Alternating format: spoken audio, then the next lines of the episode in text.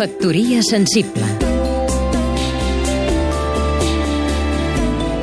Josep Massot, periodista cultural En repassar la llista d'exposicions que porta la tardor a Barcelona, veig enneguit com la penúria econòmica dels museus els està convertint en una sort d'aules de l'art. Sembla que hagin posat el cartell de rebaixes permanentment en els seus operadors. Veig un catàleg de marques anyenques en renom, sense propostes renovadores ni treballs de recerca que il·luminin l'obra dels artistes exposats. Tal vegada, amb excepcions com la que anuncia la Fundació Miró, amb un mostrari de com han tractat els artistes la línia de l'horitzó, una aventura avui més poètica que mai. M'ha alegrat, però, veure l'anunci d'una petita exposició dedicada a Xavier Valls a la Fundació Vilacases.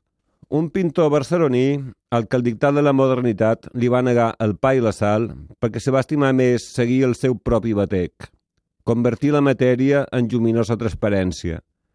No cal vestiró amb el prestigi de les seves amistats, de Gabriel Ferreter, Abaltús, Klosowski, Jankelevich o Giacometti. Tenim prou en veure els seus quadres i la seva recerca serena de la llum.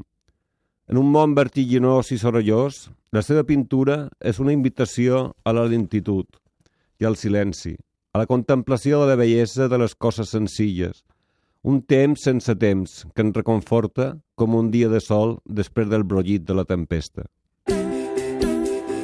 Factoria sensible Seguim-nos també a catradio.cat